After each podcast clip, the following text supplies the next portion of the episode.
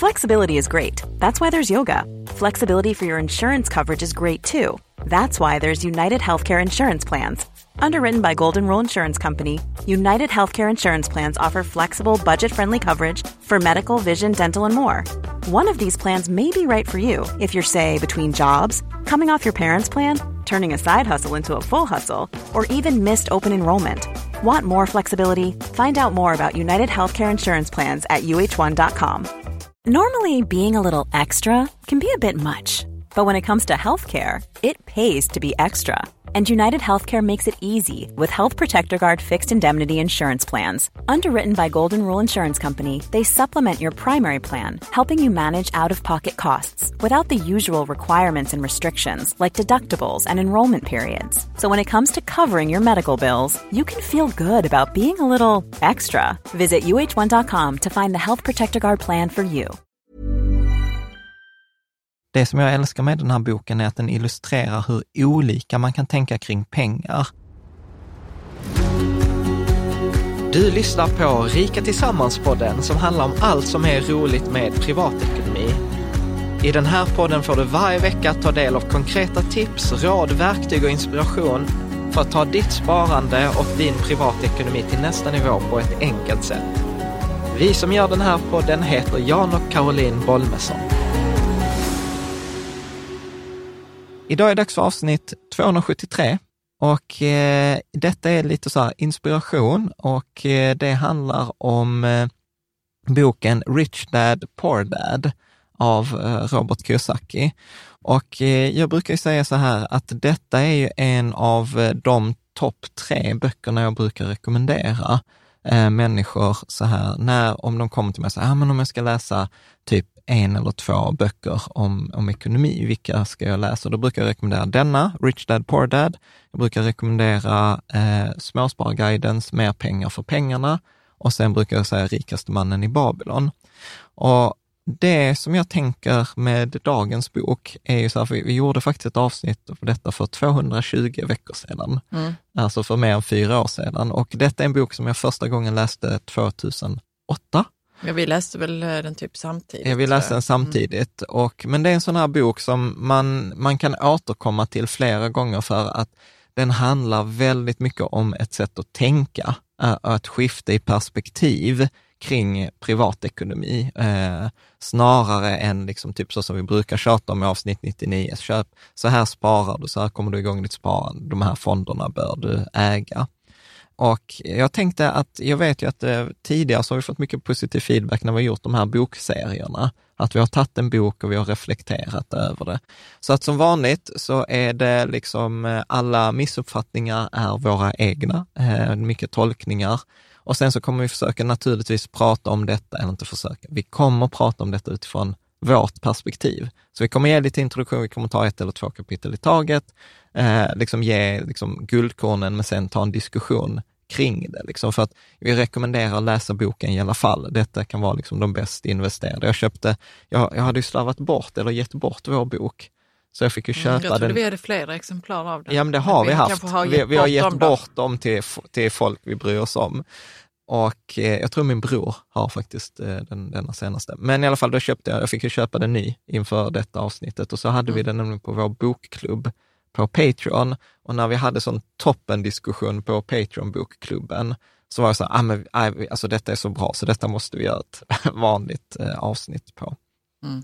Bra. Men du sa att det var inspiration. Ja. Vad, menar du med det? Ja, men jag blev helt taggad. Alltså jag hade egentligen tänkt att vi skulle göra ett avsnitt om budget, eh, men, eh, men sen så bara kidnappade jag denna.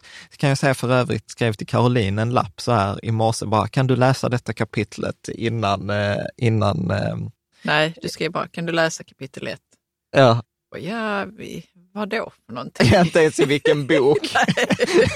Kan du läsa så kapitel. sen gick jag ut på min powerwalk och ja. väckte hälsa och ja. slösade bort massa timmar som jag kunde läst på. Ja. jag slösade inte bort, men det var så jag fick läsa snabbt här nu. Ja, innan. Men det var, jag kände verkligen så, wow, alltså jag, måste, jag måste läsa hela boken ja, igen. Du, du kom ju till mig så här när, när jag stod i duschen, bara så här, Jan, Alltså så här, efter tio år så har jag nu blivit intresserad av ekonomi. Och det var ändå så här ett kapitel i boken. Nej, det var inte bara därför. Det är en lång process tror jag. Okay. Också för att jag träffade en person för någon vecka sedan som jag eh, inte känner sedan innan. Ja. Eh, som pratade om att hon hade varit på lönesamtal. Ja. Och så var det en minut. Okay. Bara, det är ju inget lönesamtal. Ja. Nej, jag blir informerad. Ja.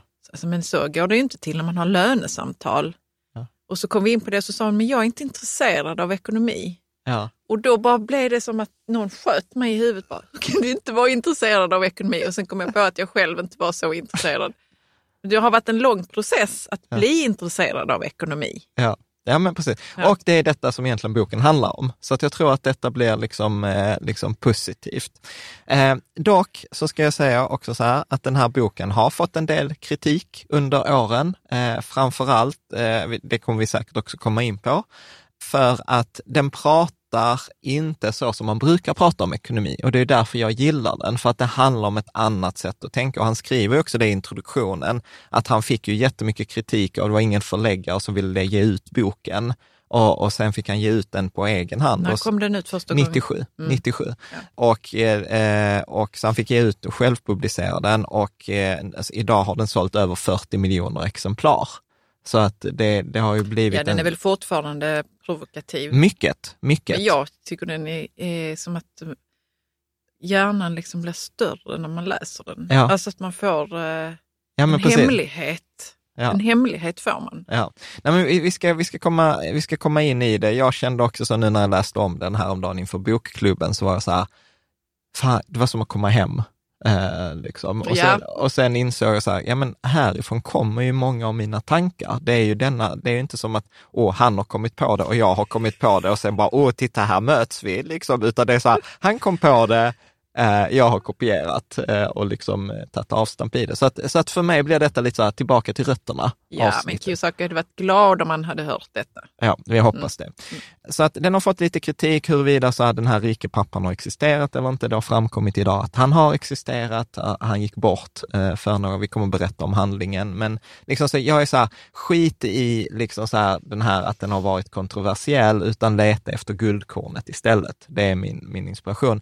På samma sätt vi kommer här lite provokativt, för att han använder det i boken, prata väldigt tydligt så här, rika människor, fattiga människor, medelklass. Mm. Och, och, och, här är det då viktigt, för att ofta vad som händer när vi pratar rika människor, fattiga människor, så kommer det med en värdering.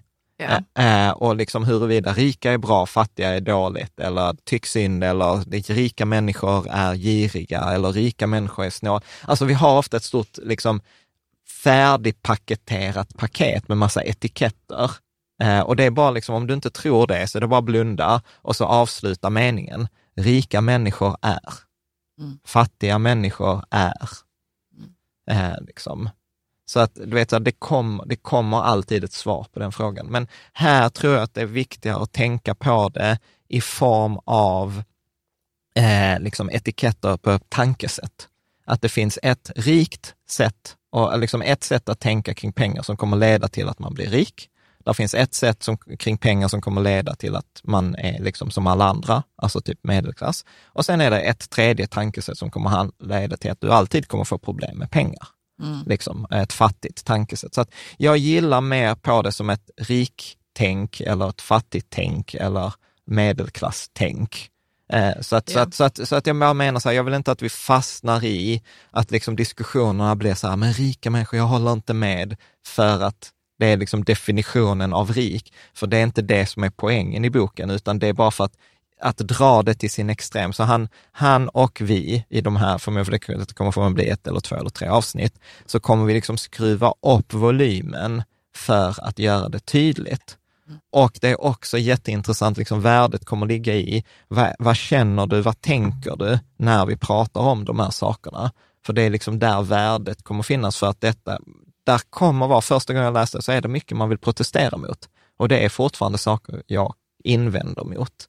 Liksom i, ja, eller att man blir nyfiken bara, vänta vad menar han här? Eller hur tänker jag kring det? Ja. Men jag tänkte också säga det att eh, även om vi då har jobbat länge för att ja, bli rika ju. Ja. ja.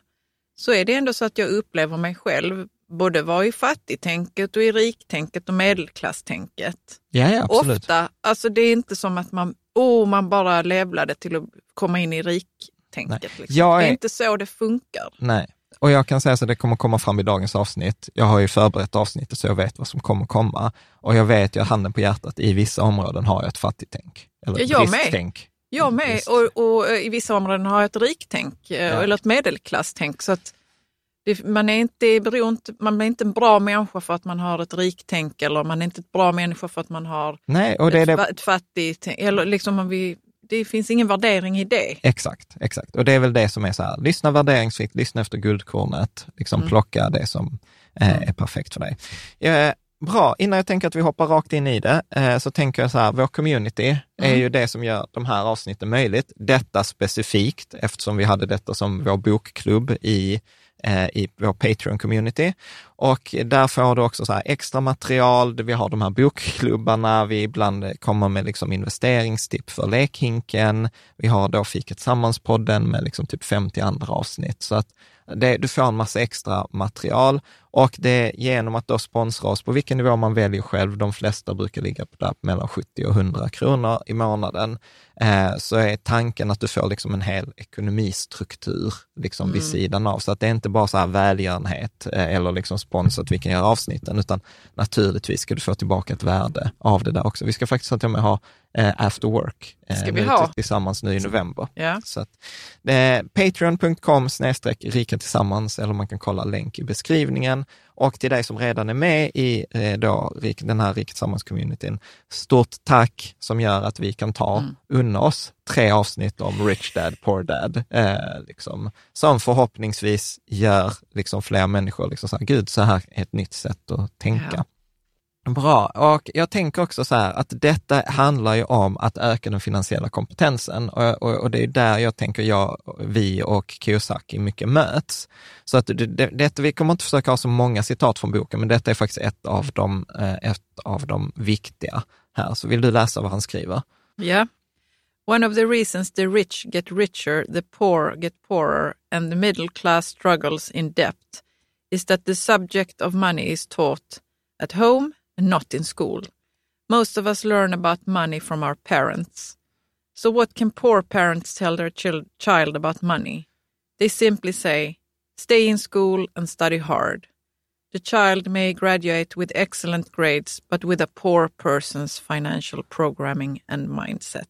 Ja, så att det handlar ju liksom om detta, och detta kan jag ju hålla med om, att jag, jag är fortfarande fascinerad över att vi inte lär oss liksom mer om pengar i skolan. Jag har varit och hållit så föreläsningar för så här, du vet, hemkunskap, och nu heter den inte längre hemkunskap, det heter något annat.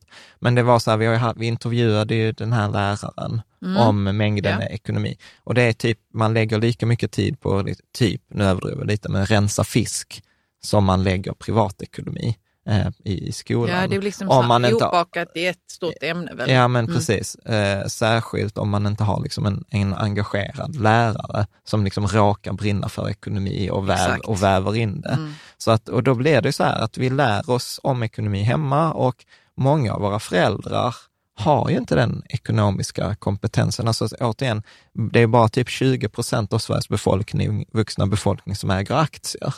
Så att liksom man kan lyssna på oss och tycka att ja, men alla investerar väl i fonder och fondrobot och har liksom en god ekonomi. Bara så här, nej, så är det inte. Liksom, mm. Avanza har hållit på i 20 år, 25 år. Och de har mindre, liksom, eller de har typ två miljoner kunder. Mm. Så att eh, nej, de flesta har inte någon och, om, liksom, som kan lära dem om som pengar. Kan, ja. Mm. Ska du läsa det sista också? Uh, sista stycket. Sadly, money is not taught in schools. Schools focus on scholastic and professional skills, but not on financial skills. This explains why smart bankers, doctors, and accountants who earned excellent grades may struggle financially all of their lives. Ja. Och, och, och detta ser man också, så om, man, om man börjar titta efter det här, till exempel så såg jag, i, jag tror det var i CNN häromdagen bara, då var det en artikel att även folk som tjänar i USA 350 000 dollar om året, alltså mm. 3,5 miljoner om, äh, om året, lever från lön till lön. Mm. Liksom, en stor andel. Vilket... Men det är väl också för att man skaffar sig kostnader i paritet med sin lön. Exakt, exakt. Vi kommer in på det, alltså den här Parkinsons lag. Dina pengar tenderar, eh, dina utgifter tenderar att växa i exakt samma takt som dina inkomster. Det har ju vi skojat om innan, att för 15 år sedan, eller 20, nu är det snart 20 år sedan, yeah. när vi var studenter, eh, så levde vi ju gott då. Då, då var ju studentbidraget 7500 så då hade vi totalt 15 000 in. Och vi hade ja, men vi, vi, jag tror vi tjänade också så 2 000 extra i månaden. Ja, och vi hade det fan... extra jobb. Ja, och vi hade det fantastiskt. Ja, det hade vi. Ja, och, och som vi har sagt så här, liksom, idag så här, liksom hamnar vi på 40 000 eller 45 50 000 en månad så tycker vi så här, fan det var en bra månad. Ja. Och då är det så här, liksom, okej okay, vad var det som hände där längs den vägen? Jag, tyck, jag minns eh, något annat avsnitt när du berättade om en sån här någon vd eller något sånt på något stort företag som hade förskingrat massa pengar för att han, han tyckte han behövde mer. Liksom. Ja, ja, så fick han tyckte... ändå så 100 miljoner eller något. Eller jag vet, Nej, han förskingrade nej. inte. Han gjorde en insider för det var vdn ja, för, det var, var det, ja. jag tror det var vdn för Goldman eh, Sachs eller någon sån här amerikansk storbank som, eh, ja men typ han umgicks ju bara så här med miljardärer. Ja, och så var han inte det själv. Och så var han inte det själv. Nej. Och, och så han var han, miljonär. Ja, precis. Han tjänade bara typ ja, men 100 miljoner om året eller mm. vad det var. Och då gjorde han liksom en insideraffär för att tjäna ytterligare några hundra miljoner. Liksom. Och, och, och det var. Men vi, vi, vi kommer in på det. Men i alla fall, poängen här är att målet, målet med de här två, tre avsnitten och målet med Rich Dad Poor Dad är ju att öka den finansiella läskunnigheten, att öka den finansiella kompetensen, eh, för att det är inte någonting som man gör. Och boken då heter Rich Dad, Poor Dad. Mm. Och jag, jag, tänker vi kanske kan, kan bör, börja redan här, för att boken är skönlitterär, så den bygger på liksom en historia när då Robert då växer upp och eh, med, med, med han och hans kompis Mike och Roberts riktiga biologiska pappa är då akademiker, jobbar som lärare, har en bra utbildning eh, etc. är så som de flesta av oss är, eller de flesta föräldrar är, skulle ja. de flesta människor är. Liksom så här, om vi nu ska använda de här tre etiketterna, han var liksom så medelklass, då amerikansk medelklass. Och sen hade då Robert den här eh, rika pappan Eh, då som var Mikes kompis, eh, eller Mike var kompisen och det var Mikes pappa och han var då entreprenör, företagare och liksom hade ett helt annat sätt. Och hela då den här boken handlar verkligen om kontrasterna mellan tankesätten hos den rike pappan och då det som man kallar för sin fattiga biologiska pappa. Eh, och återigen, ingen värdering, liksom, han som han skriver i boken, jag älskade båda mina pappor. Ja, och jag lärde mig saker från båda. Och jag lärde mig från båda, så att det handlar inte om ett bra dåligt, utan återigen kontrasterna. Kontrasterna är det viktiga. Och då skriver han, nu, nu tar vi bara några exempel och sen tror jag att vi kommer dyka ner i de här grejerna efterhand, men då mm. säger han så exempel att hans, eh, ska, ska jag ta fattiga pappa så får du läsa rika, rika pappa. pappa ja. Okej, då säger jag fattiga pappa, hans biologiska pappa så här, kärleken till pengar är roten till allt ont. Mm. Och hans rika pappa sa? Bristen på pengar är roten till allt ont. Ja, han säger, jag har inte råd. Hur kan jag få råd? De rika borde betala mer skatt. Skatt bestraffar de som skapar och producerar och gagnar de som konsumerar. Ja, studera så att du får, ett, var duktig i skolan så att du får ett bra betyg, så att du kan få en bra utbildning, så att du sen kan skaffa dig ett bra jobb. Mm. Studera så att du kan hitta ett bra företag eller aktier att köpa. Anledningen till att jag inte är rik är för att jag har er barn. Anledningen till att jag behöver bli rik är för att jag har er barn. Ja. Var försiktig med dina pengar, ta inte några risker så att du inte förlorar. Lär dig hantera risk. Ja. Huset är vår största tillgång och investering. Mitt hus må se ut som en tillgång men beter sig som en skuld. Är mitt hus min enda tillgång har jag problem. Gör rätt för dig och betala dina räkningar först. Gör rätt för dig betala dina räkningar sist. Ja, och hans biologiska pappa då kämpade med att spara pengar. Och hans rika pappa skapade investeringar. Ja, ska vi ta, vi har tre till. Mm. Eh, min biologiska pappa lärde mig att skriva ett bra CV och ett personligt brev så att jag skulle kunna skaffa ett jobb. Eh, min rika pappa lärde mig att skriva en affärsplan så att jag skulle kunna skapa jobb. Min, min pappa brukade säga, jag är inte intresserad av pengar. Mm. Pengar är makt och frihet. Ja, eh, då den rika, Sa den rika pappan. Ja, precis. Eh, hans biologiska pappa arbetar för pengar. Hans rika pappa hade pengarna att arbeta för honom. Ja. Mm. Nu, vad, vad, tänker du när, du när du hör de här? Uh, fan vad du är arrogant, du rika pappa. Va? På riktigt? Vadå? Berätta. Nej, nej, det är inte arrogans utan det är någonting annat och jag kan inte sätta fingret på vad det är. Det är inte arrogans utan det är, man kommer från ett helt annat perspektiv. Man är ingen jävla underdog liksom. Ursäkta uttrycket. Ja, säg någonting mer om, om det. Man är, man är liksom the master of your own life på något ja. vis. Ja. ja. Förstår du? Ja, jag fattar. Man är alfa. Man är alf, man är Chad. ja. Nu kan vi, nu är detta vår podd, vi kan säga vad vi vill. Ja. Och det är ändå det, är det jag, det är, jag tycker det är, jag har nog alltid tyckt att det är mycket, mycket roligare med att liksom bestämma själv. Ja. Så, och det gör han, han, han tänker så jag bestämmer lite själv hur jag vill ha saker eller hur ja. jag ska se på pengar. Och, ja. Så alltså, vad, vad, tänker du? Alltså, jag, jag, vet inte, detta är sånt här, jag, jag är alltid skiträdd för att säga någonting om detta, för att här kan man verkligen låta som att man är helt ur fas med verkligheten. Eller så, det är en of, annan verklighet. Ja, out of touch mm. reality. Jag skulle säga så här, min spontana reflektion är att det är hans biologiska pappa, det, det är min default. Mm. Alltså om jag är stressad, om jag är trött, så, eh, så hamnar jag i så här, jag är försiktig, jag vill inte ta några risker. Ibland tänker jag så här, gud vad skönt livet vore om jag bara tog ett jobb på ICA, eh, bara liksom sitta och inte ha något ansvar. Eh, att de rika borde betala mer skatt, ja men det är väl självklart att de borde göra det. Eh, och, eller man tittar på någonting och säger, jag har inte råd. Alltså att det, det är ofta ett, att den, den, det resonemanget för mig hamnar ofta i, ett, i passivitet. Så, uh, så.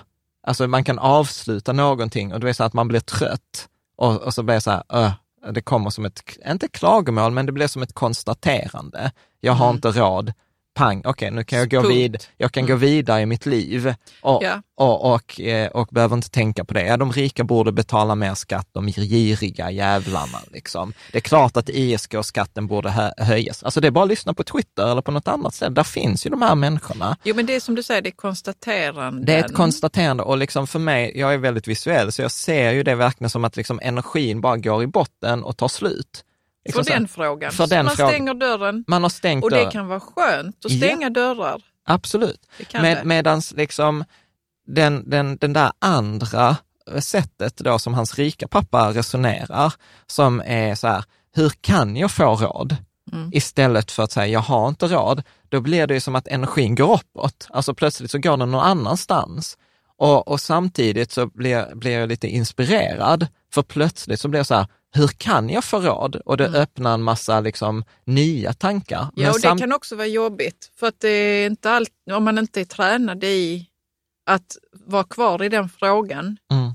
och låta hjärnan jobba bakom ryggen på en, för det gör den ja. ju, då kan det vara jobbigt som bara den. Och... Ja. Och så, så, att det, så att jag skulle också säga att detta är väl så här skillnad med kortsiktigt och långsiktigt. Ja men så här, jag har inte råd, kortsiktigt skönt, men det är lite som att eh, liksom kissa i sängen. Det är varmt och skönt i början, ganska äckligt över tid. För att vad som kommer hända är om du hela tiden går i ditt liv så här, jag har inte råd, jag kan inte göra detta, de rika borde betala mer skatt, jag, jag, ska, jag ska inte ta några risker, eh, jag liksom kämpar här med pengar, så tror jag att man kommer bära med sig en bitterhet.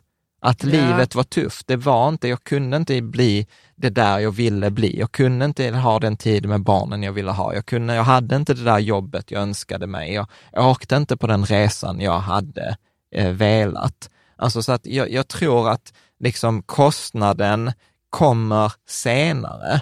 Ungefär som att liksom, om alla fattar att käka pizza är dåligt, men ändå sitter vi och käkar pizza, medan hade vi dött av en pizza direkt efter vi åt den, så hade vi inte ätit den. Nej. Är med? Att, att konsekvens, vad är min poäng är att konsekvensen kom, är frikopplad från själva aktionen i närtid. Ja, så är det. Men när jag träffade dig på korridoren innan vi blev tillsammans så var det ju rätt tydligt att du hade ett annat sätt att se på saker. F från mig. Du var ju väldigt så all, inkluderande.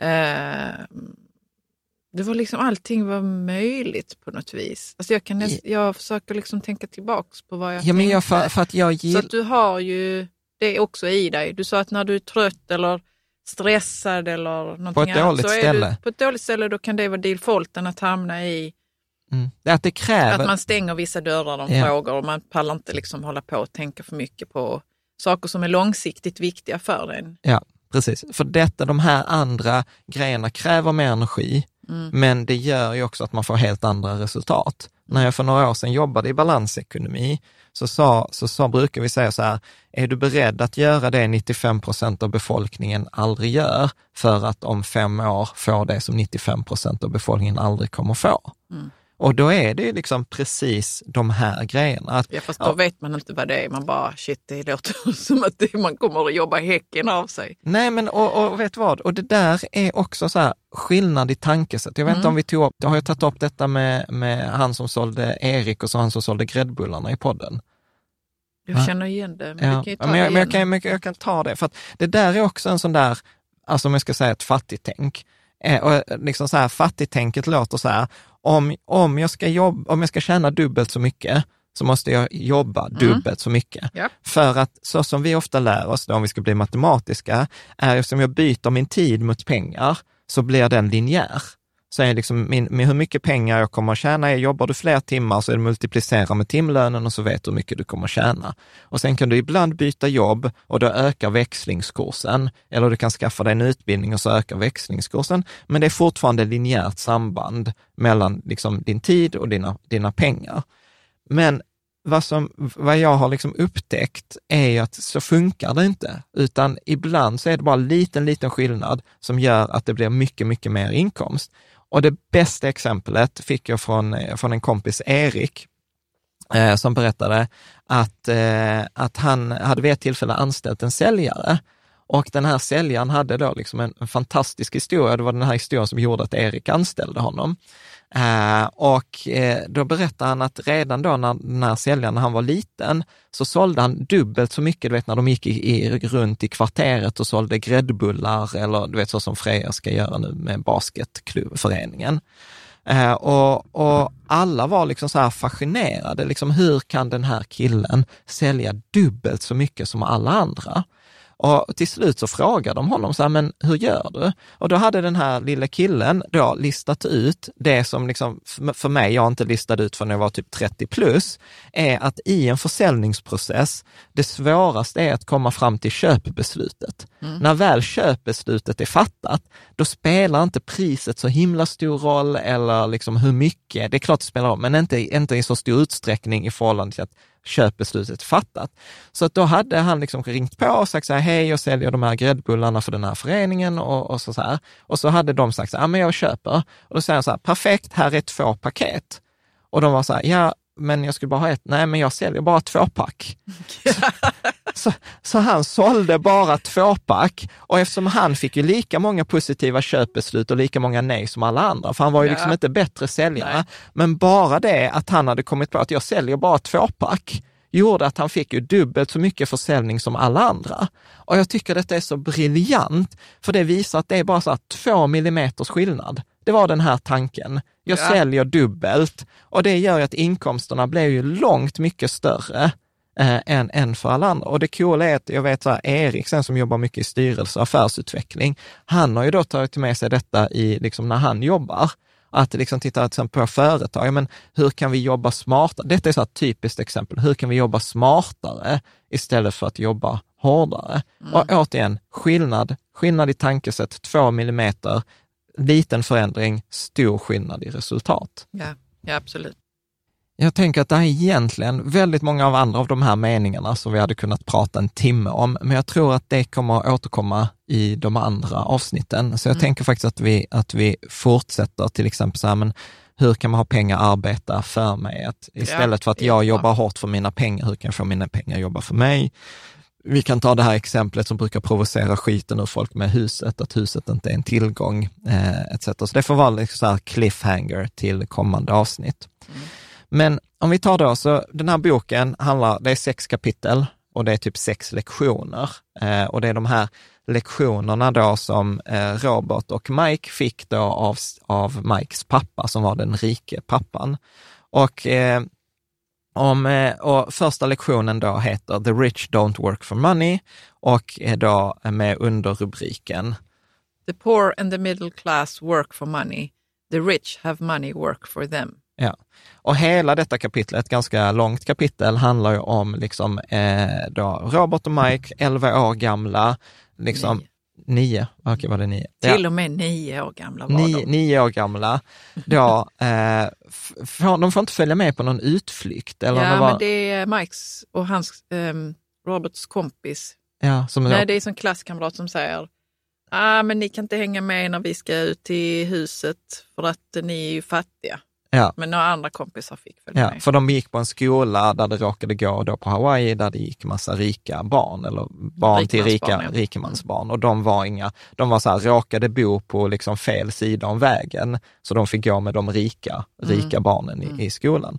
Så att i alla fall, så att de, de vill börja tjäna pengar eh, och eh, först så börjar de med typ förfalska pengar och inser att det var väl ingen bra idé. Liksom. Så att, och då säger Roberts pappa så här, vet du vad, jag kan inte lära dig om pengar, men gå och prata med Mikes pappa för att bankmannen säger att Mikes pappa är jätteduktig på pengar. Så att då, då går de till Mikes eh, pappa och eh, liksom, så får de sitta där och vänta och efter ett tag så släpper han in, liksom in dem på kontoret och sen säger han så här, okej, okay, så ni vill lära er om pengar, jag tror inte på att lära om pengar genom att ge föreläsningar, så ni kommer få lära er genom att göra saker. Jobba för mig. Genom att mm. jobba för mig. Och det första han gör då är att han skickar iväg dem till liksom ett snabbköp som han äger, typ ett 7-Eleven och så ger han dem skitdåligt betalt. Alltså, för att eh, damma av burkar. För att damma, ja men precis. 10 eh, cent i timmen. 10 cent i timmen och, och detta var ju då på 50-talet. Eh, han var ju, Kiyosaki var 50 år när han skrev boken 97. Eh, så då kan man väl räkna baklänges. Ja, men mm. det var på 50-60-talet i alla fall. Och då ska man säga eh, att det var dåligt betalt. Det var dåligt betalt. Till och med då. Till och med då. Mm. Och, och liksom Robert först då de protesterar, liksom så här, okej, okay, att du får, men jag kommer ju missa mina matcher och jag kommer inte kunna träffa mina kompisar på helgen. Och så Roberts pappa är så här, det du får välja, du får ta ett beslut här eller nu. Mm. Eh, så att, och redan där var liksom första lektionen, så att ibland så behöver man fatta beslut på stående fot för att liksom, ibland får man en möjlighet. Men i alla fall, de tackar ja och efter typ tre veckor så, är, så blir de liksom helt upprörda, liksom, för att de ser inte Mikes pappa utan de är i det här snabbköpet. Och, får jobba bara och träffar inte honom, nej, och de får inga lektioner tycker de. Nej, de får jättedåligt betalt dessutom. Ja, så de känner sig utnyttjade. Ja, de känner sig utnyttjade och, liksom, och, och, Robert pratar med sin pappa och han blir ju upprörd att liksom Mikes pappa är en sån här girig kapitalist som låter barnen jobba. Han borde eh, utredas. Ja, att han borde utredas. Så att, äh, ja. du får gå och säga upp dig. Liksom. Så att eh, Robert. Ja, Robert eh, liksom så här, tar mod till sig och, och trampar in då hos, eh, hos Mikes pappa och eh, liksom blir då upprörd över att, ja men ja, här har jag minsann jobbat och jag får dåligt betalt och jag anstränger mig och du har inte hållit din del av eh, vår överenskommelse, jag har inte ens sett dig på tre veckor. Varpå Mikes pappa säger så här, det var bra jobbat, på mindre än månad så låter du nu som de flesta av mina anställda.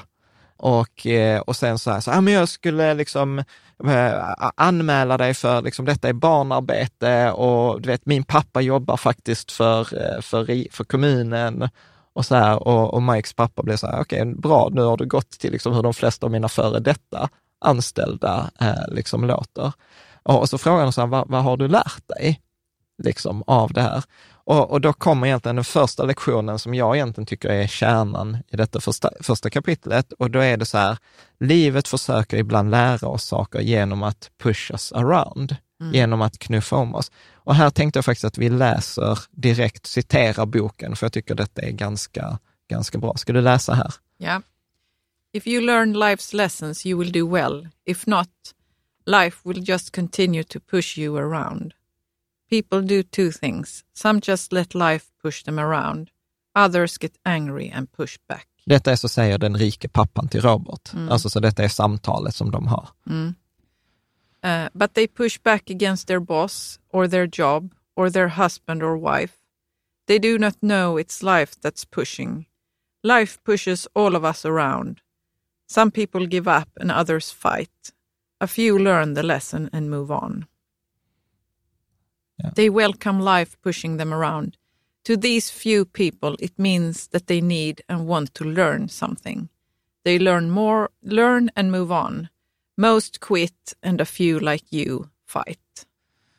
If you learn this lesson, you will grow into a wise, wealthy, and happy young man. If you don't, you will spend your life blaming a job, low pay, or your boss for your problems. You live life always hoping for that big break that will solve all of your money problems. Mm. Or if you're the kind of person who has no guts, you just give up every time life pushes you. If you're that kind of person, you live all of your life playing it safe, doing the right things, saving yourself for some event that never happens. Then you die a boring old man. Så sista stycket nu då. Mm. You'll have lots of friends who really like you because you were such a nice, hardworking guy. But the truth is that you let life push you into submission. Deep down, you were terrified of taking risks. You really wanted to win, but the fear of losing was greater than the excitement of winning. Deep inside, you and only you will know you didn't go for it. You chose to play it safe. Mm. Vad, tänk, vad, vad, tänker du? Alltså jag tycker detta är... Alltså... Ja, det kan vara väldigt provocerande att liksom ställa en människa som är proaktiv och som tycker om att bli pushad och tänker som jag lär mig av det här, eh, det jobbiga som hände nu. Ställa den personen mot någon som... Ja, fast, jag säger. Jo, men för det är det han gör ju, mot någon som, som är helt annorlunda, som bara är så här, men lägger sig platt eller som slutar eller som inte känner att den vill kämpa. Liksom. Är du med? Mm. Att det kan vara provocerande. Ja, okay. Man kan tycka att det där är så svart och vitt. Nej, men alltså det, det som jag tog med mig är ju att där, vad, vi, vad ofta vad som händer är ju så här att, ja men livet, alltså så här, vad, vad Mikes pappa gjorde var att han simulerade livet. Ja. Och han var så här, okej okay, jag sätter skitdålig lön på dem. De blev missnöjda. Och sen direkt vad som händer är ju att den initiala reaktionen är att Robert kommer och pekar på honom. Du har, det, är fel, du, ja. det är ditt fel, du betalar inte mig, du har inte hållit din del av överenskommelsen, du, du är dum, du borde vara du borde betala mig mer, ja. etc. Mm. Uh, och, och vissa, och det, det är ju de som fight, ja. liksom. Men vad vi glömmer där är ju att då har vi ju gett hela makten till någon annan. Att vi mm. pekar på att det är statens fel, det är arbetsförmedlingens fel, det är chefens fel, det, det är alltid någon annans fel istället för att ta tillbaka liksom den här kraften till mig själv. Att liksom så här, okej, okay, men vad är det livet vill lära mig här? Vad är det, varför har jag dåligt betalt? Vad är det jag kan göra annorlunda? Liksom. Eller som, och här tror jag att många, du vet jag har hört denna invändningen väldigt många gånger, så här, ja men eh, vårdyrket är dåligt betalt eller ja, på mitt jobb kan jag inte eh, löneförhandla eller nej, det finns inga sätt för mig att öka liksom lönen. Och grejen är ju så här att det som blir så provocerande är ju för att vi upplever det som 100 procent sant. Mm. Jag vet, hade vi inte upplevt det som sant så hade vi gjort något åt det. Men då är vi tillbaka på det där att detta kräver ju liksom energi. Att om jag har liksom att istället för att säga så här att ja, men det är mitt eget ansvar att jag har för lite betalt, det är mitt eget ansvar att jag har tråkiga arbetsuppgifter, det är mitt eget ansvar, det är någonting jag gör, någonting jag inte gör, någonting jag behöver lära mig för att få det här jobbet jag vill ha. Eh, men så tänker inte de flesta av oss, utan nej, vi hamnar nej. i... Alltså i jag har också varit där och pekat på någon annan, min chef, eller liksom tyckt att det är orättvist, eller jag kan inte göra någonting, eller jag är liksom fast i den här situationen. Man är ju oftast inte det. Nej, eller man tänker på, jag har inte ett val. Och detta är också lite, mm. lite roligt ibland, för att om man drar det till en extrem, du vet så här, man tar så här, jag ska ha hållit en pistol, så här, pengarna eller livet så då skulle de flesta säga så här, du har inget val. Eller hur? Ja, där är man en, ja, eller vad, vad menar ja, men jag säger så här, men, men jag säger så här, jag har en pistol mot ditt huvud och säger så här, pengarna eller livet. Ja. Vad har du för val? Egentligen inget, jag ger pengarna. Ja, men har du ett val? Nej, jag vill ju leva ju. Eller jag fattar inte. Nej, men exakt! exakt. De hade ju tagit mina pengar när de har skjutit mig, tänker jag. Ja, eller Så de flesta kommer att säga så här, i den situationen, jag har inget val. Nej, nej, visst. Eller hur? Okay. Men det roliga är, om man lyssnar på vad jag säger, pengarna eller livet, Alltså så här, valet är ju definierat. Ja. Alternativ ett eller... Men varför sa du så till mig? Jag tyckte jag hade ett val. Jag ger pengarna. Ja, men, men precis, men för att de flesta hade ju inte tagit alternativ så här, livet. Ja, men ta livet då. Nej, ingen hade tagit det. Och alltså, ja, alltså tar vi bort det som alternativ. Alltså nu blir det, detta bara liksom teoretiskt exempel här.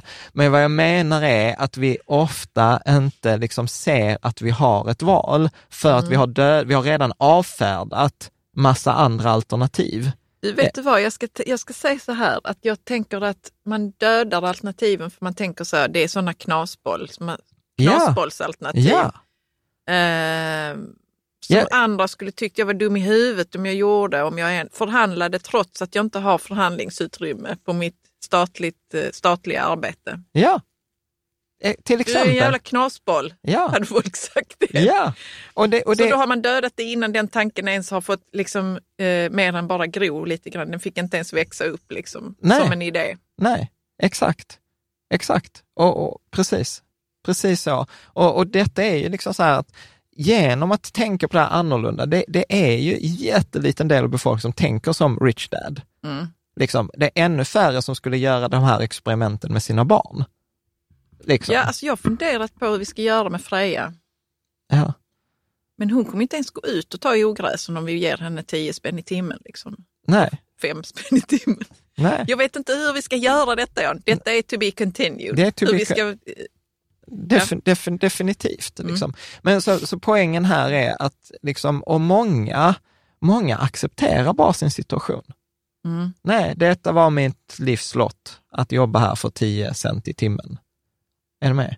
Eller, eller som han kommer, liksom, för då den här konversationen då liksom fortsätter, eh, då, att eh, liksom, så då säger Mikes pappa till honom så här, ja men eh, ni är ändå de första som kommer. Jag har hundratals anställda, men ni är de första som kommer och faktiskt frågar hur gör jag för att tjäna pengar? Ja. Och redan där har vi nästa knasbollsalternativ. Hur många som till exempel jobbar på ett företag med en grundare, där grundaren någonstans finns i, i, i närheten, har gått in till, och som är intresserad av pengar, har gått in till chefen då, eller den här personen och frågat så här, hur gjorde du för att tjäna pengar? Eller mm. hur gjorde du när du startade företag? Vilka, vilka guldkorn, erfarenheter har varit eh, nycklar? Eh, vad är liksom dina bästa råd om jag skulle vilja ha samma Ferrari som du har? Mm. Eller whatever. Mm. Men redan där är man också så här knasboll, för att du gör någonting som ingen annan gör. Så, ja, och då blir det, också... det på något sätt som är vettigt. Liksom såklart säga så jag bjuder gärna på lunch eller whatever, liksom, så, att det är med, så att det funkar för den personen som man vill veta. Men jag kan säga så här, vi får ju inte så många förfrågningar från människor som runt omkring oss, Nej. som är i vår släkt eller våra Nej. vänner. Så många som frågar oss, men eh, jag har inte lyssnat på er podd på sistone, eller, men kan ni inte bara berätta? Eller det blir liksom lite så. Nej, men vi pratar ju typ aldrig om det. Det, det är ju inte, de är ju inte intresserade. Nej, de är inte intresserade. Ja. Och det är okej. Okay. Och jag tror vissa inte ens lyssnar på detta. Nej, och det är också okej. Okay. Det är klart det är okej. Okay. Vi har men, inga... men, men då får man ju komma tillbaka till sen, är jag då nöjd med mitt liv eller vet jag innerst inne att, att jag var egentligen inte nöjd, men jag gjorde aldrig något åt det. Utan jag var där och klagade på chefen, klagade på att vi har höga skatter, klagade på att vi har, att situationen är som situationen är. Mm. Liksom. Och, ja. Och, och, då kommer liksom nästa grej då, och detta är ju så briljant av Mikes pappa, för då säger han så okej, okay, men vill du fortsätta lära dig? Och då säger liksom Robert, ja, liksom så här, ja men tack för, tack för insikten och så här. Bra, säger han så här, ja men du får fortsätta jobba, men nu kommer du inte få något betalt. Mm. Och, och, och, du vet, och Robert beskriver också den här då känslan, liksom så här, okay, han kom dit och hade taggat upp sig för att få liksom 25 cent betalt i timmen åtminstone, som var någon så här minimum. Och, och, du vet, och sen så går han därifrån och får inte betalt överhuvudtaget. Nej. Och han var så här, jag, jag skämdes till och med för att säga det till min pappa. Eh, men grejen var ju att han skulle lära sig att inte arbeta för pengar. Ja, men det fattade han ju inte då. Nej. Utan nu sprang du i förväg. Ja, förlåt mig. Ja. Uh, nej, men du vet, och så, sen så jobbar han där. Men, uh, nej, ja, så jobbar han där. Nej, det är ingen fara. Ta nu det i den, i den uh, ordningen som du tänkte. Ja, nej, men då kommer, uh, då jobbar han där liksom ytterligare två eller tre veckor och sen blir han liksom, sen, sen går topplocket. Okej, okay? så innan kunde han i alla fall gå och köpa en serietidning ja. för pengarna på vägen hem. Men nu liksom missade han sina matcher, han kunde inte vara med sina kompisar och han fick dessutom inte betalt. Så då går han liksom så här till, till, till Mike och, och är så här, nej, nu får det fan vara var nog. Och, och så säger då Mike eh, bara så här, ja, min pappa sa att detta skulle hända och när du har tröttnat så skulle vi gå tillbaka och träffa, träffa honom igen. Och, och då är liksom, då säger då Mikes pappa till honom, okej, okay, men super, vill du få 25 cent i timmen? Eller liksom, vill du ha liksom mer betalt, 50 cent i timmen? Eller en, cent, en dollar i timmen? Eller till och med så här, fem dollar i, i, i timmen? Och, och de tackar nej. Och då har de liksom just den här diskussionen, liksom, så här, ja, men de flesta kan köpas för pengar. Och vad som händer är att när du köps för pengar så hamnar du tillbaka i det där nollläget, att energin dör.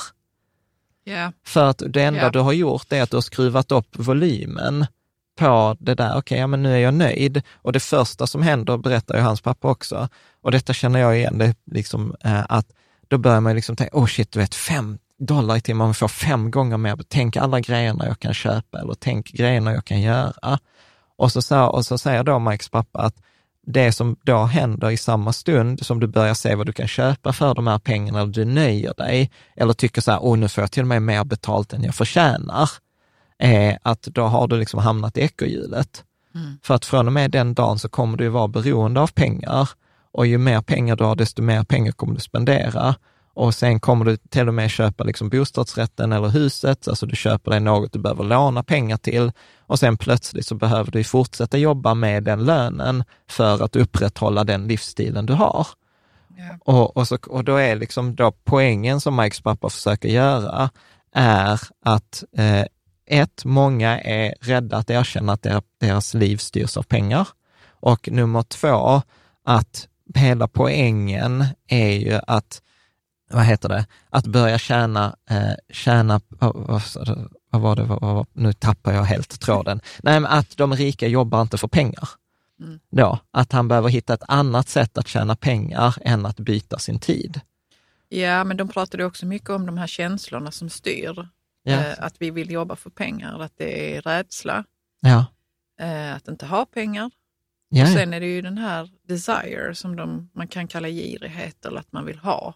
Man vill ha någonting. Mm. Så både, man har både moroten och piskan mm. som, som får en in i follan att, att jobba för pengar. Ja, och bli liksom, och hela systemet är gjort för hela att, är gjort för liksom, det, ja. samhället är gjort för att vi ska liksom, eh, jobba och tjäna pengar och liksom så här, tid mot pengar. Utbildningsväsendet är gjort så att liksom, vi ska ha en utbildning så att du får ett jobb. Väldigt få utbildningar är för att du ska liksom starta eget eller du ska liksom invest, leva på avkastningen av dina pengar. Eller ja, och nu kan man ju då tänka tillbaks på Monica Hill. Eh, ja. När vi pratade om det här med att... Hon är ju en knasboll. Hon är en knasboll, ja. Grattis Monica. Since 2013, Bombas has donated over 100 million socks, underwear, and t-shirts to those facing homelessness. If we counted those on air, this ad would last over 1,157 days. But if we counted the time it takes to make a donation possible, it would take just a few clicks. Because every time you make a purchase, Bombas donates an item to someone who needs it. Go to bombas.com slash ACAST and use code ACAST for 20% off your first purchase. That's bombas.com slash ACAST, code ACAST. Introducing Wondersuite from Bluehost.com.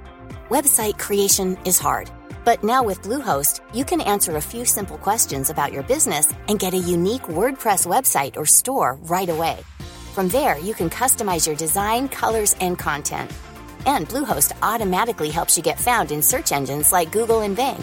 From step-by-step guidance to suggested plugins, Bluehost makes WordPress wonderful for everyone. Go to bluehost.com/wondersuite. jo, men hon berättar ju att där på Handel så hade de ju någon entreprenörskurs. Ja. Där de hade då bjudit dit några entreprenörer, kanske från Klarna, vad vet jag, som berättade om hur de hade gjort då. Så att man vill ju liksom åt det hållet, man vill ju lära människor på vissa ställen. Ja. Så att du skulle kunna liksom eh, starta eget och bli en stor, lika stor som Spotify. Men det blir också konstiga proportioner liksom Ja. på det. Eller hur? För att helt plötsligt så ska man liksom bli någon som bidrar till samhället på det viset. Ja, att fast man jag håller, inte, jag håller inte med Caroline. Nu drar du återigen en sån där extrem outlier. Det är klart det finns gymnasier som har ung företagsamhet. Ja, men de flesta som går på Handels går ju inte på Handels för att de ska bli entreprenörer. Nej. Eh, alltså, det, de flesta, det är som hon själv sa, de flesta går där för att hon nu ska jag tjäna mycket pengar och nu råkar investment banking eller managementkonsult vara, vara grejen. Att man lär, alltså så här, och i andra böcker som Kiyosaki i, eh, hårdrar det, så säger han att det finns A, B och C-studenter. Liksom A-studenterna, det är liksom de bäst betyg eh, etc. Och så skojar han liksom så här, A-studenterna brukar hamna hos C-stud- jobba hos C-studenterna. För att C-studenterna är de som liksom aldrig lyckades i skolan, skolan var inte gjord, så de fick liksom lösa det på egen hand och ofta starta företag. Och de anställer, fattar ofta att de inte kan, så de anställer A-studenterna och B-studenterna jobbar statligt offentligt. Provocerande, jag vet jag liksom inte om jag håller med, men, men liksom så här, nej, A-studenterna, för att komma in på de högsta, liksom, bästa utbildningarna, nej, det är sällan de som startar de här företagen. Det, det är mer outliers än vad det är majoriteten.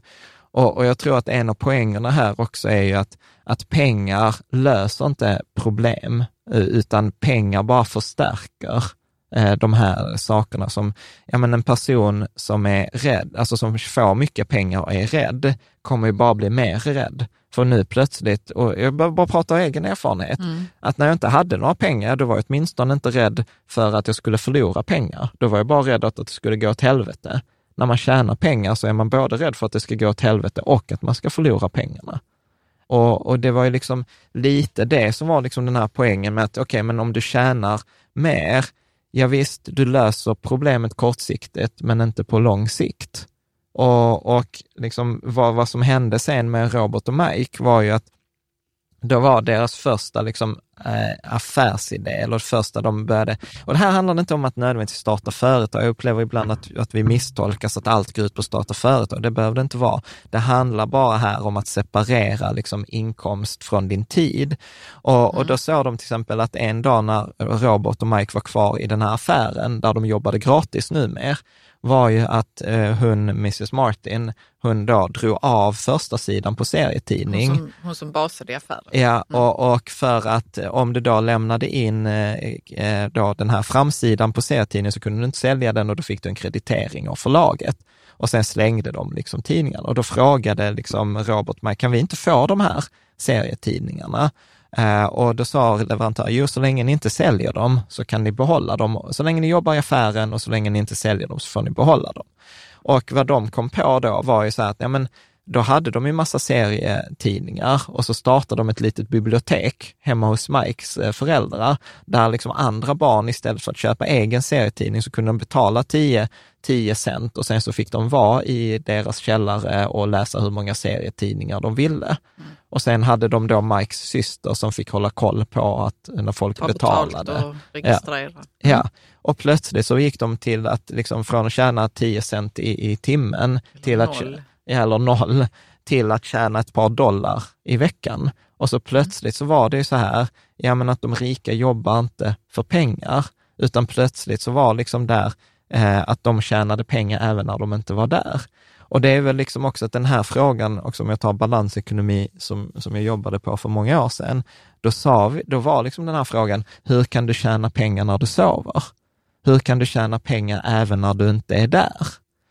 Eh, och det är återigen sådana här två, liksom så här två millimeter, det är ett, mer ett skifte i, i huvudet än vad det liksom måste vara ett skifte i, i görandet. Mm. Liksom. Och, och detta kan man också, jag vet att Charlie, eh, en kompis till oss, eh, han, han som är duktig på metafor, han kallar ju detta för liksom kantarellögon. Att liksom när du går ut i skogen, du kan liksom inte sitta och kolla uppe i trädkronorna om du är på jakt efter kantareller, utan du behöver börja titta liksom nere på marken. Och när du väl har börjat identifiera var kantareller finns, så kommer du inte kunna att inte se kantareller. Och här handlar det liksom om att, okej, okay, men de flesta av oss har nog inte ens tänkt på frågan, hur kan jag tjäna pengar när jag sover? Eller hur kan jag frikoppla min inkomst från, eh, hur kan jag frikoppla min inkomst från det jag lägger min tid? Vad tänker du? Det ser ut som att du har checkat ut. Nej, jag har inte checkat ut. Uh, jag tänkte på, nej jag tänkte inte på något speciellt. Ja, så, så att jag, jag jag tänker om vi tar liksom i den här eh, boken så har han ju en study guide. Så jag tänker låt oss, liksom, låt oss gå igenom den och så kan vi bara se om, om det är liksom några så reflektioner. Så att då, då, skriver han så här, liksom några av nyckelmeningarna i kapitlet. Så den första meningen är så här, the poor and the middle class work for money, the rich have money work for them. Och vad tänker, varför, varför skriver han det och vad är, tror du är poängen? Uh, det är en jättestor skillnad Ja. Mellan att jobba för pengar och att ha pengar som, som jobbar för dig. Det är en jättestor skillnad ju. Ja, men, I jo, mindset. Ja, mm. vad, vad, tänker du med det? Nu säger du typ det som står där. Ja, men vad vill du att jag ska säga? det står inte att det är skillnad i mindset, men det är ju... Ja, jag, jag, vet inte vad jag ska säga, Jan. Nej, men jag, jag, jag, tänk, jag tänker så här, nu jag provpratar. Eh, så tänker jag så här, okej, okay, men de flesta har lärt oss liksom, okay, så här, att tid är pengar. Tror jag att de flesta skulle hålla med om. Så här, tid är pengar. Men så länge tid är lika med pengar så kan jag ha olika växlingskurs, men så länge jag fortfarande byter, alltså jag kan vara vd och tjäna tusen kronor i timmen eller jag kan vara, liksom, jobba som eh, jeppstöd, dra ogräs för hundra kronor i timmen. Men skillnaden är båda två har samma grundläggande affärsmodell. Båda byter tid mot pengar. Och så länge jag byter tid mot pengar så kommer jag inte kunna tjäna oändligt mycket med pengar eftersom tiden är begränsad. Visst, jag kan vara managementkonsult och jobba 80 timmar i veckan och tjäna jättebra, men det är fortfarande begränsat, tänker jag. Så att det, det är väl liksom en grej som jag tänker, att, att om du ska tjäna väldigt mycket pengar så måste du frikoppla pengarna från, eh, från tiden. Och, och, det blir ganska naturligt. Jag tror att de flesta som lyssnar på oss har någon gång så här ränta på ränta. Att där, där, alltså om jag investerar på börsen, ja, där jobbar ju mina pengar för mig även när jag sover. Eh, de jobbar även när jag är på mitt vanliga jobb, så antingen ökar eller minskar de i pengar. Så att där är liksom det första enklaste sättet att börja frikoppla liksom intjäning, Eh, på tid till pengar är ju att börja investera. Jo, men, men det de säger här är ju att man har pengar till olika saker. Uh, vadå? The poor and the middle class work for money. Ja. Det är klart att de kan också investera sina pengar. Ja. Så, men oftast men fast nu har man du... inte gör som... Jo, men man har ju ofta, jag skulle, om jag ska generalisera, ja. så har man pengarna då till kanske konsumtion eller man kanske investerar lite. Men the rich have money work for them. Ja. Så de har ju pengarna till ett annat syfte, skulle jag väl säga. Ja, fast återigen, nu tror jag att du, du, du har omedvetet gjort kategoriseringen så här att de rika människor har pengar och då låter de dem jobba för sig. Och, och, då, och då blir den vanliga invändningen så här, om jag vore rik så hade jag också gjort det. Nej, men det är mindsetet. Ja. Tänker jag. Ja. Så att detta... man har rikt mindset, då måste man ju tänka så. Hur ska pengarna kunna arbeta för mig? Då kan man ju liksom inte konsumera upp dem. Då Nej. måste man ju använda dem till något annat. Liksom. Ja. Syftet blir annorlunda. Ja, och, och, precis, och detta är skitviktigt. Det handlar inte om mängden pengar.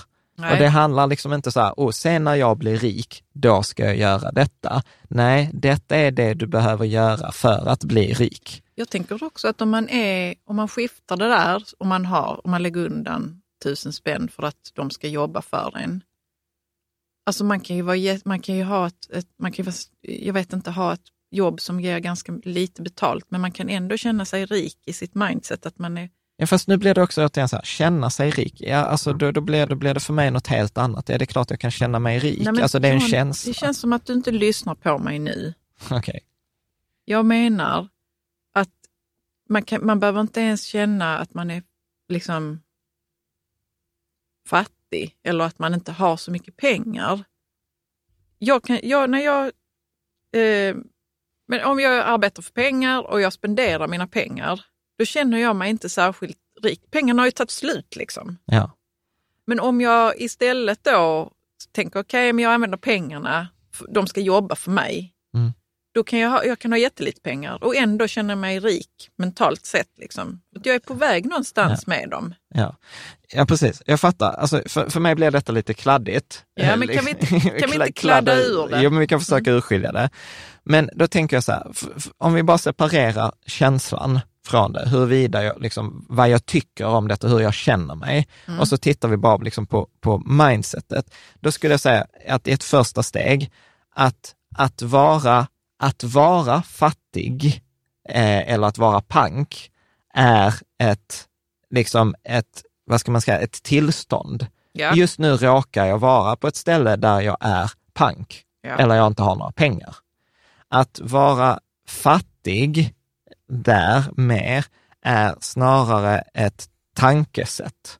Mm. Ja, tankesätt. Jag har ett fattig tankesätt. Mm. Med. Om, vi, om vi säger att de två är inte samma sak. Nej, absolut. Ja, ja, ja, absolut. Det lite det jag skulle komma till, för han har ju ett citat om detta. Ja. Vi kan ta det sen. Ja, mm. precis. Och, och, och du kan vara att inte ha några pengar och ha ett rikt tankesätt. Mm. Eller du kan ha mycket pengar och ha ett fattig tankesätt eller vice versa. Så alla de här kombinationerna är, och det som är ganska vanligt, om jag tar mig själv, så har jag varit så här, jag har pengar, men jag har ofta ett fattigt tankesätt kring pengarna.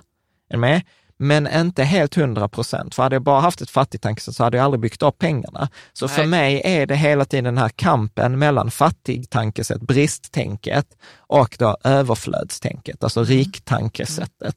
Så att det, det tror jag är liksom superviktigt att urskilja och sen som en tredje parameter kommer det så här, hur känner jag mig med där? Ja, till exempel att ha ett rikt tankesätt när man inte har pengar känns ju helt okej, okay, för jag är ändå på väg. Exakt. Ja. Så då har vi urskilt. Känns okej. Okay. Ja, det känns okej. Okay. Det kan till och med kännas bra och kännas inspirerande. Ja, absolut. För att då, då är jag liksom så här, då har jag tagit ansvar för det. Jag är på väg, jag har en plan och jag är bara temporärt fattig på pengamässigt, på pengakontot. Absolut. Så att, nej, men det, det tror jag är skitviktigt att urskilja. Det andra som jag tänker också på den här meningen är ju att, att, att jag faktiskt sa detta i en intervju med Sydsvenskan häromdagen. Eh, så sa jag så här, för hon frågade mig så här, men ska man amortera nu istället för att investera? Och så sa jag så här, ja fast jag försöker tänka på mina pengar som att det är liksom mina barn eller mina arbetare och mitt jobb är att se till att de mår så bra som möjligt och tjänar så mycket pengar som möjligt. Eh, och då kan jag sätta dem i arbete, sa jag så här, på bankkontot. Om jag sätter då 100 000 kronor på bankkontot eh, och, eh, så kommer jag få 2 procents ränta idag. Om jag amorterar på mitt lån som idag har kanske 3 procent, då är det som att de får 3 procents lön. Om jag investerar, ja, då kommer de få typ 7 procents lön. Så jag tänker ju väldigt mycket på hur kan, alltså verkligen så här, att jag till och med pratar på det sättet. Hur kan jag sätta mina pengar i arbete? Och, och det var också så här insikt, så här, ja men det kommer ju härifrån. Mm. Det har ju inte jag hittat på. Och då kändes det ändå så här, ja men det där har blivit omedvetet för mig, att prata om mina pengar som hur kan jag sätta dem i arbete? Och, och, och, så tror jag inte jag har hört så många andra prata. Ja, det är möjligtvis Den rikaste mannen i Babylon-boken. Ja, den är samma tema. Det är samma, det är samma tema. Men jag tänkte på citatet som han hade. Det var ju att broke is a, a temporary, being broke is a temporary condition, eller vad man state. ska säga, state. Uh, being poor is eternal. Ja. Eller eternal. Ja, ja. ja men precis. Man... Ja. Bra. Mm. Uh, är det något mer vi tänker kring poor middle class work for money? Nej, men det vi kommer till i de andra meningarna. Yeah. Life pushes us all around. Some people give up, others fight. A few learn the lesson and move on. They welcome life pushing them around. Mm. Det här är ju också något som har format oss svinmycket. ja, så det. har det ju. Ja, ja. På olika nivåer. För mig är det så, vi pratar om svårigheter i livet. Som att där alltid finns ett guldkorn. Ja. Man lär sig alltid någonting från det. Kanske inte precis när man är stressad och hatar ja. situationen och så. Ja. Ja, men du, men som, det... du, som, du som har följt oss vet ju att en av de bästa frågorna, det sa vi mycket i Monica Hill-avsnittet, där vi pratar om att lyckas missa eller misslyckas, att en av de mest fantastiska frågorna man kan ställa sig är så här, så vad är det mest fantastiska med denna situationen? Eller ja, jag brukar alltså, säga... Det är en sån reframing som kan förändra livet på en sekund. Ja, vad är det mest fantastiska med denna situationen? Eh, en annan brukar jag säga så här, vad är, ja, alltså detta är också roligt, alltså, för nu kommer vi till så här, vad brukar jag säga till mig själv? Och då är det så här, okej, okay, vad är det meningen jag ska lära mig här? Mm. Vad är det livet försöker lära mig nu? Mm. Eh, och jag brukar också säga så här, eh, allt som händer är en träning inför något som komma skall. Och det är också viktigt, superviktigt. Nu pratar vi alltså om attityder och värderingar och detta är ju inget som är sant, falskt, bra eller dåligt, rätt eller fel, utan detta är bara ett perspektiv på livet. Mm. Och det perspektivet öppnar för vissa resultat och det stänger dörren för andra och det gör vissa saker möjligt och gör andra saker omöjligt. Och, exempel, och det kräver ju mer energi. För ofta så krävs det, okej, okay, vad är det jag ska lära mig i detta? Kräver ju att jag börjar titta och, och reflektera. Och sen kan jag ibland absolut vilja lägga mig på sängen och tycka så här, det är någon annans fel och du är dum i huvudet. Eller jag skiter i det. Ja, eh, liksom, så att det ska, ja, det ska det inte kan sticka. faktiskt vara så att det inte är bara en, en dålig dag eller en dålig vecka. Nej. Utan det kan vara att man håller på under en lång period ja. och funderar över ja. en, en svårighet som kanske sen man löser. Ibla, liksom. Ibland så brukar jag till och med tänka så här, vad är det för misär jag ska vara med om i framtiden för att jag behöver lära mig detta nu? liksom. ja. Jo, men så kan man göra. Men det här, eh, vad är det Kiyosaki vill säga med det här? They welcome life pushing them around. Jo, men att, att, eh. att, att liksom så här, livet ger dig inte vad du vill ha, livet ger dig vad du behöver. Mm. Uh, och jag gillar det för att då är det liksom så här, om jag inte får en högre lön än vad jag har idag, ja men då är det någonting jag behöver lära mig. Och jag kommer, inte, jag kommer vara kvar på denna, det är som ett dataspel, jag kommer vara kvar på denna nivån tills jag har klarat bossen. Mm. Och då är det liksom så här, jag måste klara bossen för att komma vidare och då får jag först införa, så vad är bossen? Och, och liksom, och, och, och eh, eh, där, vi tar, vi tar nästa mening för det hänger ihop. Yeah. Stop blaming me and thinking I'm the problem. If you think I'm the problem, then you have to change me. If you realize that you're the problem, then you can change yourself, learn something and grow wiser. Ja. Och då kommer ju liksom så här, så för mig blir ju det som jag tycker detta med life pushes you around, är ju att det ger mig möjligheten att säga, okej, okay, detta är en, ett resultat av något jag har gjort, något jag inte har gjort. Detta är en resultat av något jag har sagt eller inte sagt. Detta är ett resultat, alltså så här, alltså så, så här, jag gillar ibland ställa den provocerande frågan till folk så här, så varför är du inte FIRE redan idag? Varför är du inte miljonär redan idag? Och i 99 fall av 100 så kommer det en ursäkt och en förklaring. Och ofta beror den på någon annan. På marknaden, på, alltså om jag, alltså du vet så här, man pekar på något annat. Istället för att säga så här, ja men där är vissa saker jag har gjort som, som har gagnat mig i resan. Där är vissa saker jag inte har gjort som hade gagnat mig om jag gjorde. Jag vet massor av saker jag hade kunnat göra annorlunda. Eller, Eller ibland inte... vet man inte. Nej, ibland, Nej, och ibland vet man då? inte. Och, då, och då, då vet man ju det. Ja. Att då, okay, jag vet, Eller man jag fick har... en intressant fråga. Ja, och då blir ju svar så här, jag har inte tagit reda på hur man gör, eller jag har inte Nej. skaffat mig kontakterna, eller jag har inte vågat ta risken, eller jag har inte eh, whatever. Men så länge jag kan säga att jag har, eller jag har inte, så ligger det hos mig. Då mm. kan jag göra något annorlunda. Om jag tycker att du är dum, det blir ju jävligt jobbigt. liksom. Och det vet jag, jag gillar det du tog upp med dataspelet. Det är inte alla som har spelat dataspel. Ja. Och, och, men mina erfarenheter av det, ja. och jag tycker om att spela dataspel, det är att det är så jädra svårt alltså. I, liksom innan man har fattat grejen med, man kommer fan aldrig i, i första nivån liksom. Bara, vad ska jag göra här egentligen? Ja. Va, finns det någon dörr jag inte har sett som tar mig vidare till nästa nivå? Ja.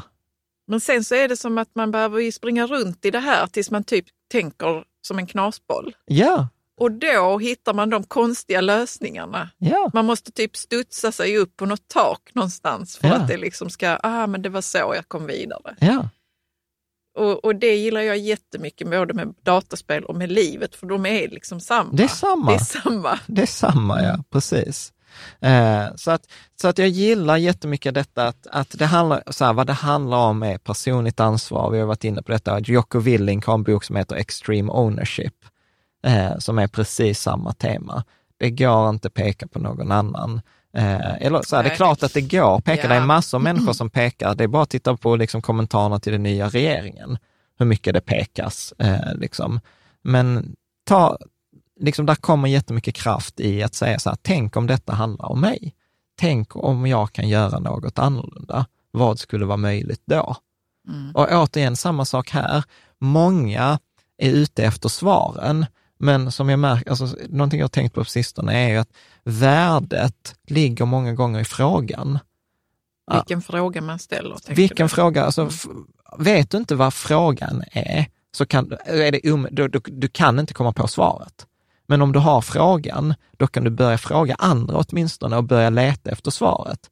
Men om du inte vet frågan så, är, så irrar man omkring. Kan du ta ett exempel? Nej, men, typ, men som, som, nu, som, som nu till exempel. Nu mm. tog vi exemplet, mm. så här, en av de bästa frågorna är så här, så vad är det mest fantastiska med att det har gått åt helvete? Vilka är guldkornen jag ska lära mig nu? Vad, vad försöker livet lära mig? Är frågor. I, I förra avsnittet, eller förrförra, hade vi den här frågan med nu med den här krisen som vi har. Jag vet att vissa av er i forumet lång diskussion huruvida det är kris eller inte. Ja. Men i denna situation, ekonomiska situationen som vi har i, i Sverige och i, i mångas privatekonomi, så var det så här, hur kan jag ta mig igenom denna situationen med bibehållen sparkvot? Också briljant fråga. Mm. Liksom. Frågan är många gånger viktigare än, än svaret. För när jag har frågan, ja, då kan vi börja bryta ner frågan. Så om jag ska ta mig igenom den ekonomiska situationen med bibehållen sparkvot, Okej, okay, så bibehållen sparkvot innebär ju att jag, eh, att jag behöver öka mina inkomster eller sänka mina kostnader. För om jag tar pengarna från mina besparingar så blir jag ju fattigare. Liksom. Eh, och jag kan inte sluta amortera för då har jag inte behållit min sparkvot. Nej. Så att då blir det liksom plötsligt massa liksom diskussion, men det kräver energi. Det kräver, kräver energi. energi. Men eh, som Kiyosaki skriver, att, att eh, konstatera någonting ja. eh, versus att ställa en fråga, det är ju två helt olika vi har redan sagt det ja. ja vi, har absolut. vi har redan sagt det. Ja. Vi kan klippa detta. Nej, vi kör. When it comes to money, most people want to play it safe and feel secure. So passion does not direct them, fear does. Mm. Har du någon? Jag vet inte vad jag ska göra av den här. Jag är ju, äh, vänta, most people want to play it safe and feel secure. Ja. So passion. Ja, vi gör ju så. Ja, ja. Alltså jag är absolut rädslostyrd. Och det jag, är inte... inte... jag har ingen, jag, eh, har ingen eh, vilja att riskera massa pengar på eh, typ en riskkapitalmarknad. Ja, men det, det gör ju också... Det är okej okay för mig. Precis, men det, om jag nu ska vara lite tuff så är det ju lite losers talk ju. Eller hur? Nej, men för mig är det ett vinnande koncept. Jag sover gott om natten då. Absolut. Nej, men för att det behöver, då jag behöver vara en helt annan person om jag ska sätta mina pengar i, på mm. riskkapitalmarknaden. Ja, men, då men, behöver jag liksom engagera mig där på ett annat sätt än jag gör nu. Ja. Och jag men hör, är... hör du fattigtänket i det där, i bristtänket? För samtidigt så är jag inte intresserad av att göra det ju. Jag har ju andra intressen här i livet. Jag vill inte... Ja. Det kanske också är illusionstak. kan du inte berätta för mig hur du tänker? Nej, men alltså här ska jag vara helt ärlig. Detta är en av våra stora utmaningar. Eh, liksom, eh, med alltså, rädslöshet. Jag är ju rädd för att det ska gå åt, åt skogen. Det har ju kostat oss massa pengar. Det gör ju, alltså... Caroline... Men om vi skulle... Om vi skulle... Nej, men låt mig, mm. låt mig prata ja, till punkt. Absolut. Detta blir lite så här, för att ett, du är inte intresserad så mycket av pengar och jag har ju drivit... Säg nu inte så. Nej, men låt mig, låt mig komma mm. till punkt. Jag har ju drivit den konversationen i ja, vårt hus ganska, ganska många år. Mm.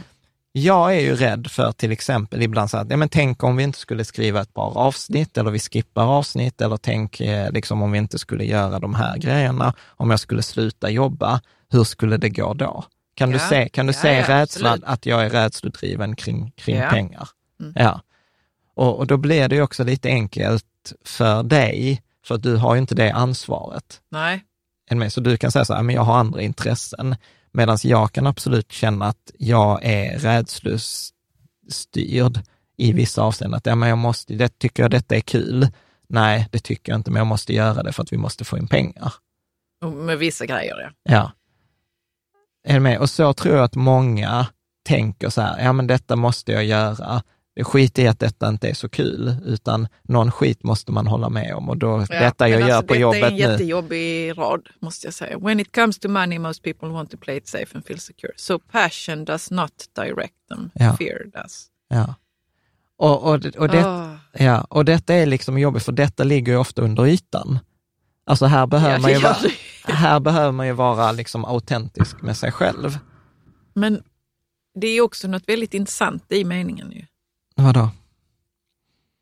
Så man inte skulle varit rädslodriven? Ja, då skulle, man, ju, då skulle man gjort då? mer, mer, ja, då tror jag att man skulle gjort, alltså om, om, så här, om jag bara hade sagt så här, till massa människor så här, vet du vad, jag betalar dig det du har i lön, det enda villkoret är att du inte får gå till jobbet, liksom, där du har tjänat dem tidigare. Du får samma lön, men du får inte gå dit. Jag tror de flesta hade tagit erbjudandet. Mm. Och då hade det varit spännande, så här, vad hade de gjort då istället? Är du med?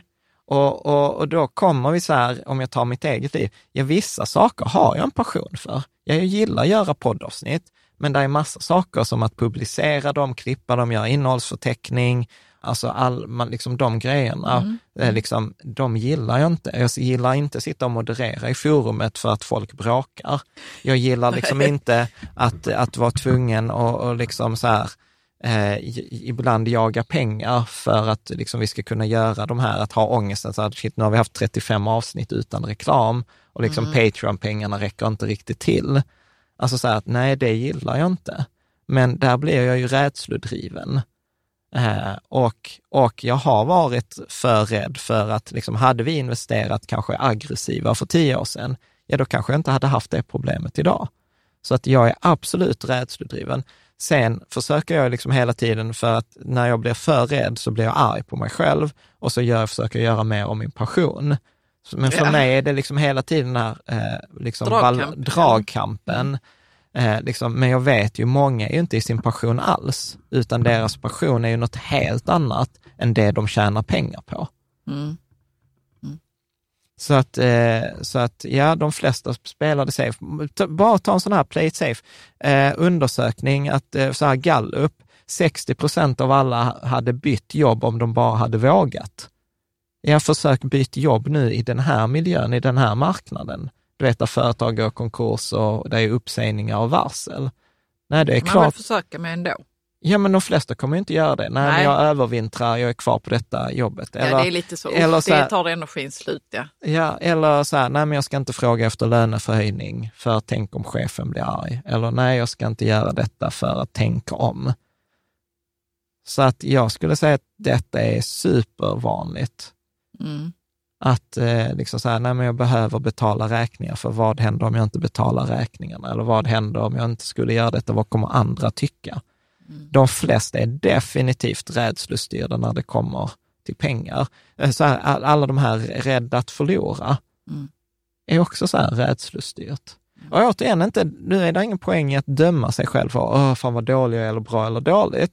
Eller utan, det ska jag inte vara. Eller det, det ska jag inte vara, liksom. utan bara liksom så här konstatera det, acceptera och sen så säga så här, okej, okay, jag har varit så här fram tills idag, hur vill jag göra framgent? Man kan fortsätta fall man vill ju. Ja, absolut. Starta, för, starta, för, starta mm. företag. En, också en sån grej. Många som har en dröm som inte gör det mm. av rädsla. Så jag tror att den här meningen som, som jag liksom spontant vill hoppa över, det är liksom så här, uh, det är ju den som är jobbig. Ja, och hur, om, du, om vi bara skulle spekulera i hur man kommer åt det här, liksom, att eh, vad har man, vad, hur kan man få passionen att styra en, alltså om man nu skulle vilja det? Jag tycker det verkar roligare. Ja, men det är klart det är roligare. Ja. Att bli styrd av passion. Ja, men absolut, men då är det ju så här. Då måste man sätta sig ner och fundera lite, tror jag. Ja, men det blir ju som den här planen som du sa innan. Ja, jag är, jag är pank, men jag har ändå ett rikt tankesätt. Ja, då är jag ju på väg. Ja. Är du med? Ja. Och, och då, då handlar det, många gånger så är alltså så här, det är stor skillnad, detta är också så här många coachsamtal jag har haft med folk. Så här, var kvar på ett jobb eh, som man inte trivs på. Eh, versus liksom att vara kvar på ett jobb jag inte trivs med, men ha en plan där jag om två år eller om tre år kommer kunna göra de här andra grejerna för att den här jobbet, och okay, jag behöver lära mig de här grejerna, jag behöver tjäna de här pengarna, för då kan jag sen göra X jättestor skillnad i min attityd till det jobbet jämfört med så här, nu är jag på detta jobbet och jag kommer vara här 12 år till för det är dumt att säga upp mig för nu har jag varit här i 15 år och enligt LAS-reglerna så kan jag inte få sparken för att vi har först in, eller sist in, först ut. Är med?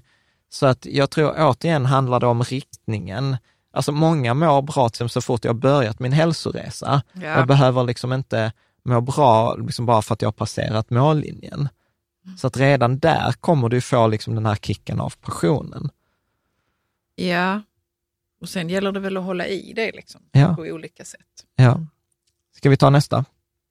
Ja, eh, nästa låter så här. Most people given more money only get into more depth. Ja, och, och, det är väl liksom det som vi pratade om innan, Parkinsons lag. När folk tjänar mer pengar så tenderar utgifterna öka och man börjar dessutom sen hamna i, det kommer vi i nästa kapitel också, då köper man till exempel ett hus eller en bil och två av de sakerna som driver mest kostnader i, i en ekonomi är ju hus och bil.